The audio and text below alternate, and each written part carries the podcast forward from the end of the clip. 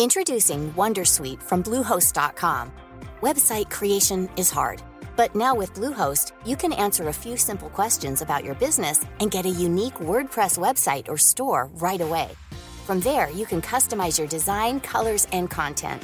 And Bluehost automatically helps you get found in search engines like Google and Bing.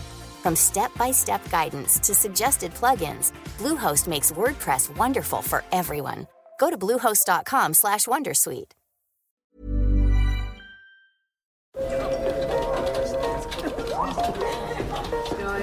Dette er lyden av norsk næringsliv. Akkurat nå tas det små og store valg som kan bli avgjørende for fremtiden. Med økonomisystemet X-Leger tas disse beslutningene basert på informasjon i sanntid, slik at drømmer og ambisjoner kan bli virkelighet. Få kontroll og oversikt, gå inn på xledger.no. Denne sendingen er sponset av Xleger.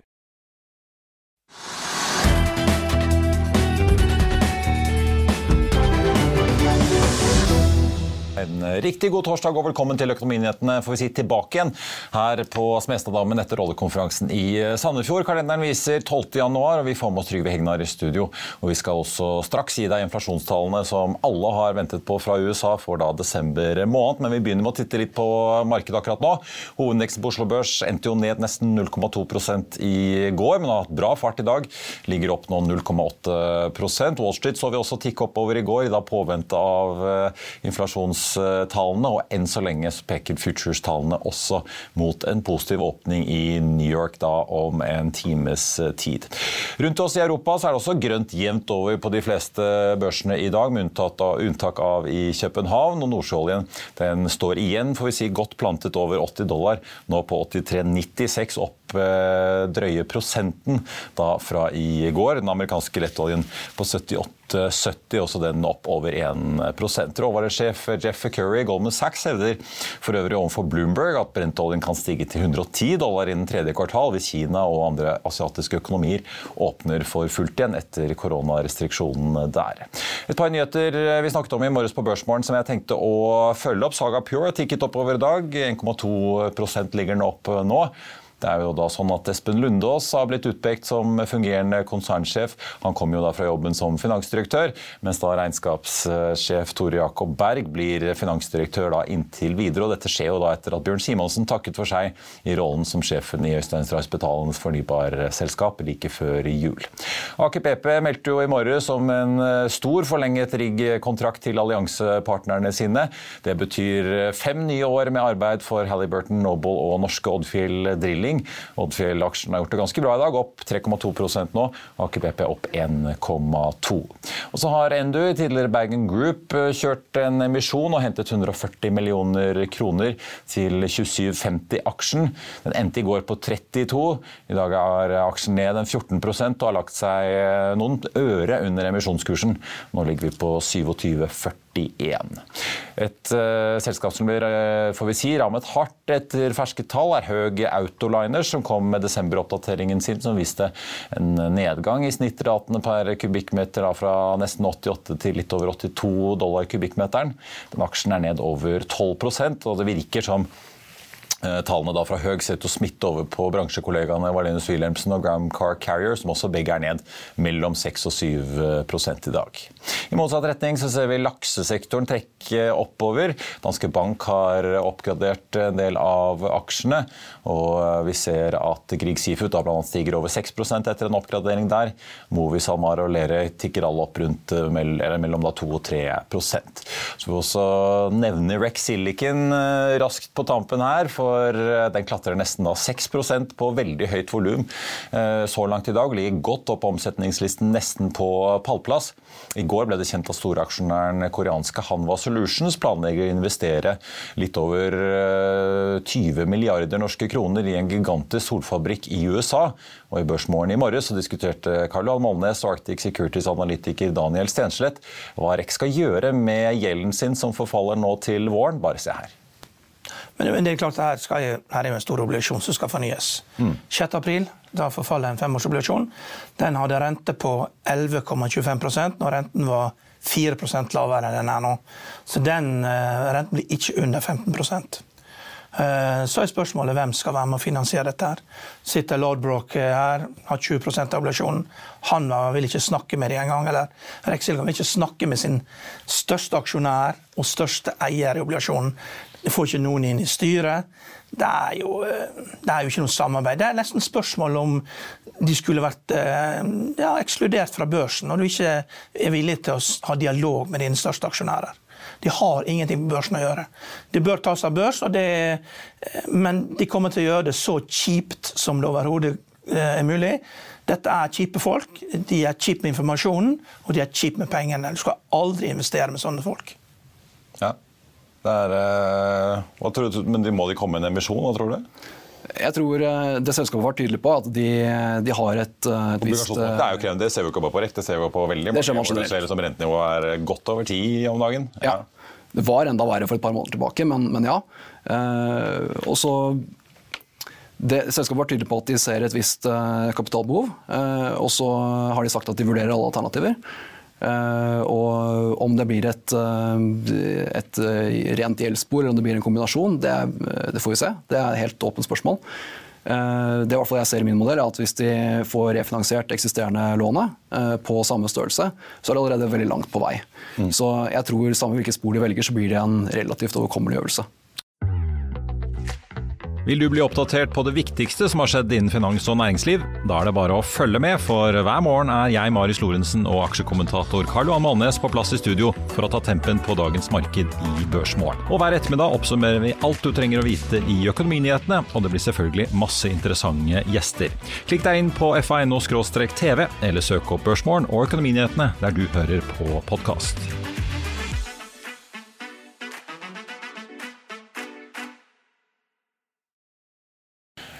Da skal vi i hvert fall begynne å snakke litt eh, makro. Vi fikk BNP for Fastlands-Norge i dag. Den tikket oppover 0,2 i november, i tråd med økonomenes eh, forventninger. Samtidig så er eh, veksten måneden før opprevidert til 0,1 fra en rapportert av nullvekst. Og nå Trygve, så har vi fått inflasjonstallene fra USA. Som ventet tikker nedover fra 7,1 til 6,5. Kjerneinflasjonen tikker nedover fra 6 blank til 5,7. Det går jo riktig vei. Det går den riktige veien, og eh, rundt om i verden sitter nå flere hundre tusen økonomer og lurer på hva dette betyr, og hvordan det slår ut for, for rentemarkedet og hvordan det slår ut i aksjemarkedet. Ja.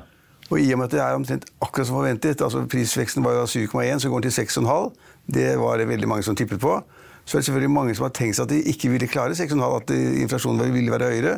Det ville vært veldig negativt, for da måtte liksom Fed sette opp renten mer enn de hadde gjort osv. Og, og så var det de som da regnet med at syntes at 6,5 er veldig fint. Jeg vil tippe det at sånn konsensus rundt om i verden er at liksom det går nedover. Prisveksten faller. altså Inflasjonen var jo da på det høyeste så var den over 9 og så har det liksom da falt da til 7,1 og så 6,5 nå. Eh, og det går nedover. Men jeg, er jo, hører til den gruppen som mener at det ikke altså ikke har falt nok. Inflasjonen er for høy, at, at Fed må gjøre mer. De kan ikke akseptere er en prisvekst på 6,5 Det kan de ikke. Ja, for Du skrev det i lederen din eh, også for så vidt hva gjelder Norges Bank, at uh, altså de kan, ja, det er på vei ned, men uh, Det holder ikke nok. Altså, poenget, det fordufter ikke sånn. Nei, og det er liksom et lite poeng som, som er lite tatt ordentlig frem, og det er det at man har jo et mål om en prisvekst på 2% både i USA og i Norge. Og nå, nå snakker vi om 6-7% ikke sant? Og, det, og, da tenker jeg at sentralbankene må gjøre noe for å få den ned. De må sette opp renten mer, de skal ha den ned mot 2. Men det er ikke sikkert at de, at de sier at målet er 2. De kan godt si at målet er 2, men vi er liksom, lar det godt være litt høyere enn det, slik at vi da ikke må ta økonomien så hardt. og At ledigheten ikke blir for stor, og at veksten stopper helt opp, og at vi får resesjon. Det offisielle målet kan være to, men så har de da kanskje Ina tenkt seg at ok da, vi aksepterer en prisvekst på 3 eller 3,5 eller 4, og gjør de det, så går det bra. Men hvis sentralbankene eh, i Norge og hvis Fed tenker at det er svarte rakkeren, at det er altfor høy prisvekst, vi må få inflasjonen inflasjon ned, det står i våre statutter, da må disse sentralbankene sette opp renten. og da vil det få konsekvenser for veksten og alt som foregår i sysselsetting. Det er litt komplisert, dette her, men det du sa helt begynne med, er kanskje riktig. at Det var omtrent som ventet. Markedet blir ikke uroet veldig, og så tenker de kanskje at, den, at, man får da flere pristall etter hvert, hvor da, hvor da prisveksten blir enda lavere fordi at energiprisene faller og gassprisene faller. og Oljeprisen faller ikke. Men, det er ikke sånn ut, i hvert fall. Nei. Den er seig på rundt 80. Ja, så jeg vil si det at det, det var som ventet, men jeg, jeg tolker det dit at sentralbankene kommer til å måtte gjøre mer, og de må si at dette er, ikke, dette er vi ikke fornøyd med. Og så er det veldig mange som kommer til å si det. Jo, da sentralbankene er sikkert kjempefornøyd, fordi de er redde for hvordan det vil gå i aksjemarkedet hvis sentralbankene øker renten. Ja, for det, Og så er det jo et forventningsspill på alle kanter her. Da. Jeg merket meg Ida Wolden Bakke på årskonferansen til NHO. Sto hun jo på scenen der og snakket jo mye om inflasjonsforventningene. De, Ja. sånn, de er vel så redd for at bedrifter og husholdninger begynner å forvente en høy prisvekst, og de begynner å legge det inn i budsjetter og kalkyler og forventninger. eh. Ja. Ikke at inflasjonen er så høy som er problemet, det er det det setter seg den forventningen som de er virkelig bekymret for. Ja, og det, det er det ene. Og det andre er det at øh, det- er faktisk slik at det, det er masse de tallene vi får fra norsk økonomi, som er svake. Altså Folk låner mindre penger, bedriftene låner mindre penger, husholdningene låner mindre penger. Veksten er der, som du var inne til å begynne med, men det er veldig svake veksttall. Og så var det jo mye, det var jo mye bilkjøp og, Ja. som er litt sånn Ja, lokalt så det litt avgiftsrelatert i Norge. Ja. Så, men altså, norsk økonomi er svakere, den vil bli svakere fremover. Og Det kan jo tyde på at Norges Bank da ikke slår til med renteøkning for å si at ok, det, økonomien tar, ordner opp dette selv. Det er vanskelig å si. Eh, Jeg tror ikke at eh, som jeg sa i sted, jeg tror ikke at den amerikanske sentralbanken er fornøyd med en prisvekst på 6,5 når målet er to. Jeg tror heller ikke at Norges Bank er fornøyd med en prisvekst på på øh, rundt ja, seks, eller hva det ligger på, når målet er to. Så det vil bli noen endringer i markedet i dag. Jeg vil bli overrasket alle tenkte at dette var strålende, dette går veldig bra. Det vil jeg bli overrasket over. Ja, for vi, jo, vi var jo på 6,5 i november, tikket ned til da 5,9. 5,9 i desember, Ja. men 7,1 uten strømstøtten. da.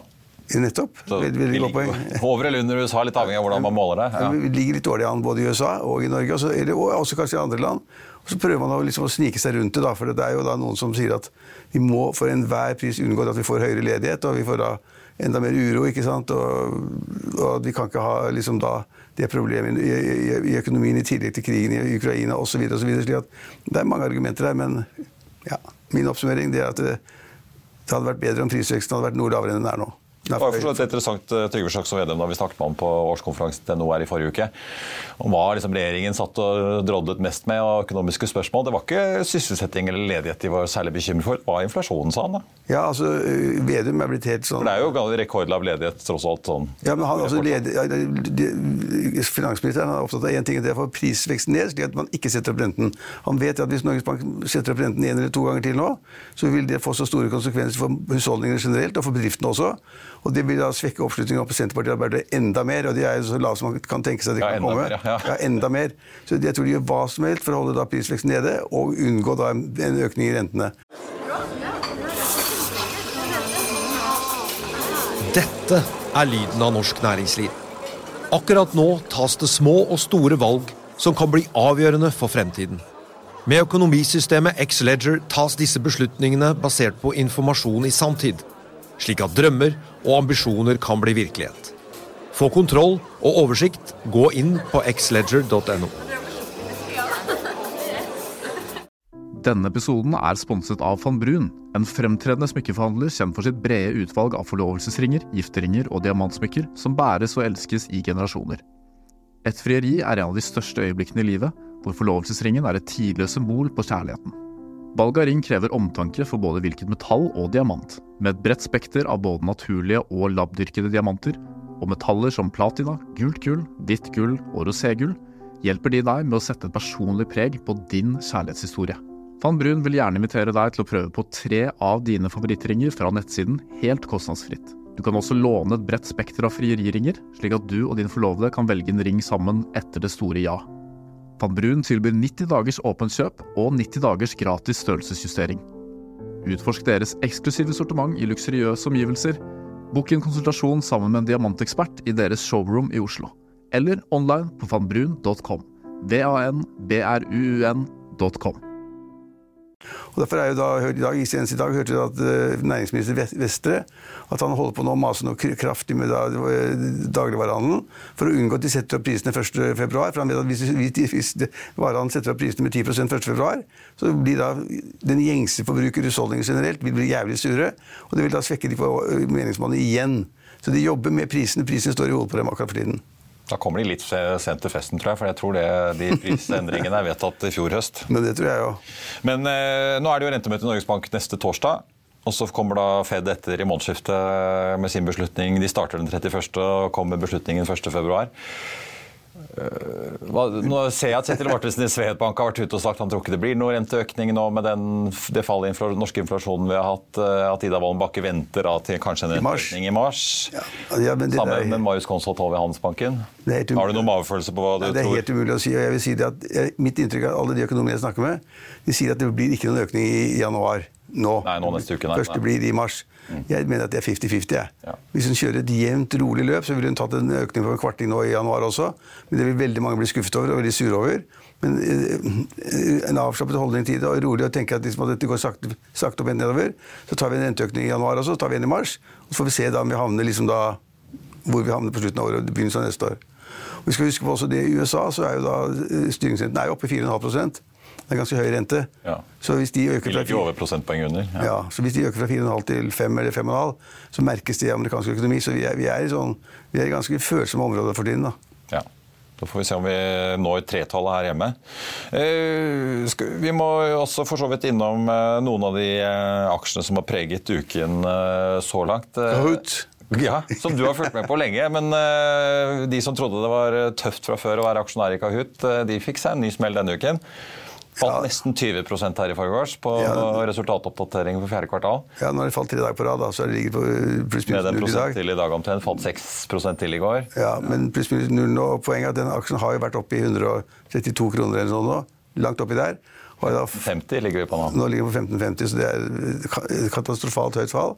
Og så er det slik at Den daglige lederen har veldig mye aksjer, så det spekulerer vi i Finansavisen og andre i liksom at han har lånt penger for å kunne kjøpe flere aksjer, eller beholde de aksjene han har. Og liksom, hva, hva skjer da med de pengene han har lånt for å kjøpe Kahoot-aksjen? Kahoot-aksjen faller så mye. Så så, så er, den er veldig utsatt. Det har falt katastrofalt. Eh, og så Hvorfor falt de ytterligere nå? Jo, fordi at nå var det slik, Ikke det at de ikke selger noe og ikke tjener noe penger for tiden, det gjør de faktisk. Men det hadde, altså, folk hadde forventning til enda mer. og de gikk litt tilbake på de guidingene de hadde i fjerde kvartal. De, markedet hater folk som da tar ned guidingen, eller på en måte da skuffer. Så de skuffet markedet. at en måte, det ble ikke som de sa, de sa i fjerde kvartal. Så blir det kanskje ikke som de hadde tenkt seg i første eller annet kvartal nå heller. Og Dermed så er selskapet ganske utsatt for at aksjonærer selger. Det er ingen kjøpere. Hvorfor skal de kjøpe? De har sett at aksjen har falt liksom da fra 132 til 15. Hva, hva blir det neste? Blir det 10 kroner, 11 kroner eller 9 kroner? Så det, det finnes jo ikke kjøpere til en aksje nå, bortsett fra de som skal vise sympati eller være snille eller gode. Og kanskje da Amerikanske fondet som har kommet inn eh, istedenfor Softbank. ja, Softbank da kommer jo ut av og tapt masse penger. og kommer ut, så ja, det, er, det er litt trist for det selskapet, faktisk. Ja. Men det viser, vi har jo snakket om eh, både deg og flere eh, når vi så disse store fallene i Kahoot og andre vekstaksjer.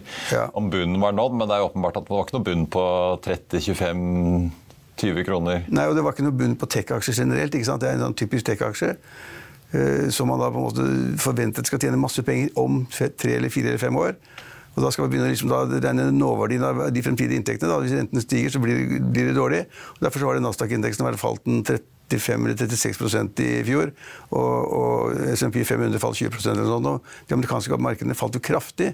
Mens Oslo Børs klarte seg med et fall på 1 så det lå i kortene hele tiden at disse tech-aksjene ville falle. Og det smittet jo opp for de norske tech-aksjene kraftig. Ja. Kahoot er på en måte den mest typiske eksponenten for at en tech-aksje som ikke har nok å levere, men som på en måte er et selskap som fungerer, tjener penger og får nye kunder, og, men, det er ikke nok. Markedet vil ha mer. Det er i hvert fall et bevis på at eh, selv om man har falt med x prosent, så kan man eh, falle med like mye neste år. Faller, faller like mye neste år. Mm. eh, Nå får vi se hvordan det går med Frontline. Nei, nei, Kahoot mener jeg vi skulle snakke om Frontline. Ja. Bruddet med Euronav. Nå driver de og krangler om Frontline kan trekke seg eller ikke. Jeg Får tro at det har vært advokater på begge sider som har finlest avtalevilkårene. Mange advokater. Men hva, hvordan leser du hele dette her, da? Nei, jeg- er, det et, er det et nederlag for Jon Fredriksen at han ikke fikk til denne store fusjonen? Det vil jeg tippe at det er, men han er ganske kald. Han tar liksom, Går ikke det ene, så går det andre. Og så så vi også det at kursen da på Frontline da, det, da dette ble kjent, steg jo 20 så han ble veldig mye rikere den dagen pga. det at da syntes folk at dette var fint for Frontline. At de ikke da inngikk den avtalen. Og så er det motparten som da krever at man skal følge opp avtalen og gjennomføre det. Altså, Jon Fredriksen er kjent for å ta den type fighter. Han vinner stort sett alle, alle fightene, så jeg, ja, jeg, jeg, kan ikke mene det som står i avisen, faktisk. Men uh, jeg tror ikke Fredriksen uh, gråter av den grunn. En sektor uh, i, hvert fall tank. Men han gir seg ikke så lett. Ja, og ratene var i, fjor på slutten av året veldig høye, ja. veldig gode. Men de har vært presset, de har vært på vei litt ned igjen. så det er, ja, det er liksom Oljetransport verden over er litt komplisert når Russland ikke skal selge til Europa og ikke til EU, men kanskje man selge mer til Kina og mer til India. Og så skal de hente olje her og hente den der, og så er prisen da den oljen, prisen for den oljen Russland selger, den er ikke 80 dollar eller 84 dollar. Den er 30 eller 35 dollar per fat. En god rabatt her, pluss at du har det G7-pristaket på 60, som ja, presser Det er veldig vanskelig å regne på. Ja, hvordan, men hvordan blir ratene? Liksom, hvor, går, hvor går varestrømmen, og hvor går liksom oljen? Det er kjempevanskelig. I dag er oljeprisen rundt 84 dollar per fat. Det er en ganske høy oljepris. Og den er jo helt milevidt fra den prisen russerne får på den oljen de selger, fritt. De får ikke lov å selge til en høy pris i Europa, i EU. Så det syns jeg er kjempevanskelig. Da, så, men tankemangel er litt svekket. det er det. Og vi får jo etter all sannsynlighet, i hvert fall sånn som det ser ut nå, i hvert fall dette produktembargoet fra 5.2, eh, ja. som jo kan bli ganske fascinerende å følge hvordan det slår ut. når ja. Det er slutt på diesel fra Russland til Europa, og ting skal flyttes rundt omkring. Og... Hvem skal selge hva til hvem, liksom? Hvor lange blir transportstrekningene som vi transportøkonomer bruker? Hvor lange blir de, og hvor går de? Sånn? det blir kjempevanskelig.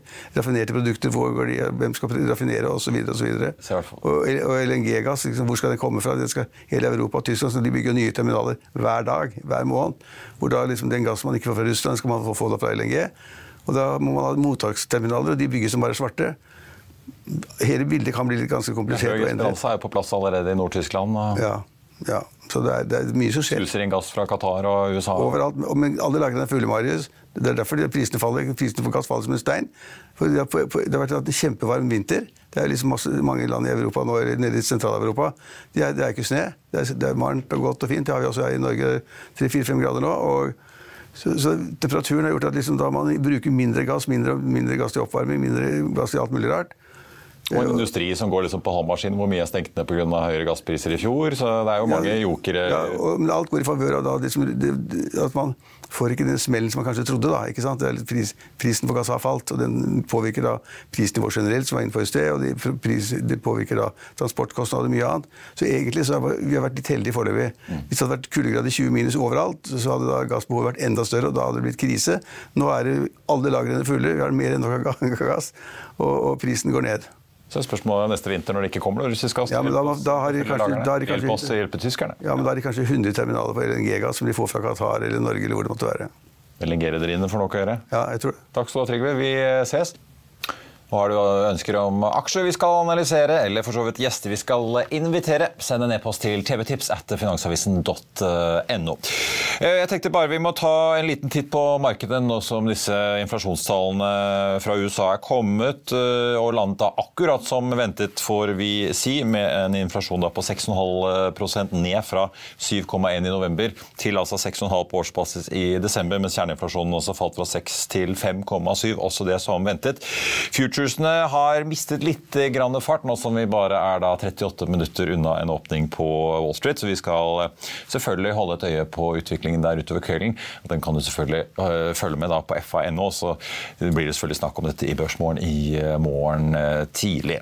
Norwegian flyr litt over 5% lavere i dag, etter at DNB Markets har nedjustert estimatene sine. Ettersom vi nå er på vei inn i kvartalssesongen hvor vi også får litt mer tall fra disse selskapene selskapene. Vi ser også at eh, Bergen Carbon Solutions har eh, snudd til oppgang på litt over 2 i dag. Arne Fredli har kjøpt store deler av aksjeposten til gründer og tidligere sjef Jan Børge Sagmo, som solgte unna aksjen, får vi si. Ellers Endur, som har kjørt emisjon, ligger nå på emisjonskursen ned av 14% til 27,50, som disse aksjene koster. Der kommer det også en reparasjonsemisjon etter planen. Frontline opp 1,6% nå, var litt tidligere i rødt i dag steg jo da i forgårs 21% etter meldingen om at de bryter dette planlagte ekteskapet med belgiske Euronav. I går endte aksjen omtrent uendret. Og så har vi da Kahoot, som uh, falt kraftig på resultatoppdateringen. I dag ligger ned uh, nye 1,2 etter avfallet fallet som vi var inne på, på en 6% i går. Rex Silicon, som praten går om både her og ellers i ulike fora, opp 5,4 i dag. Og så har vi sjømatindeksen som gjør det relativt bra. Danske Bank oppgraderte jo Grieg Seafood. Grieg Seafood opp 6,7 Sjømatindeksen samlet sett opp 2,74 akkurat nå, på en hovedindeks som er opp over prosenten. Får vi si godt hjulpet av oljeprisen, som også ligger opp nå halvannen prosent i dag til 84 dollar og nesten 20 cent. I Finansavisen i morgen så kan du lese Trygve Hegnars leder om hydrogen, Ola Borten Moe og ting som går i dass. Du kan lese om Pimco som anbefaler obligasjoner og hvorfor de gjør det. Så blir det børsintervju med Kjell Morten Hjørnevik i DNB. Og så blir det mer om børsmelden til Høg Autoliners og mye, mye mer selvfølgelig fra økonomiens verden. Da er vi ved slutten av denne sendingen. I morgen er det fredag, og da er vi på luften igjen her i Økonominyhetene klokken 13.30. Før den tid så er det Børsmorgen 08.55. Da skal vi snakke om gruveaksjene Rana Gruve Uber og Nordic Mining. I mellomtiden som jeg er inne på, så får du selvfølgelig siste nytt på FA.no og også utviklingen på Wall Street utover kvelden. Mitt navn er Marius Lorentzen. Takk for at du så eller hørte på, og så håper jeg vi ses igjen i morgen.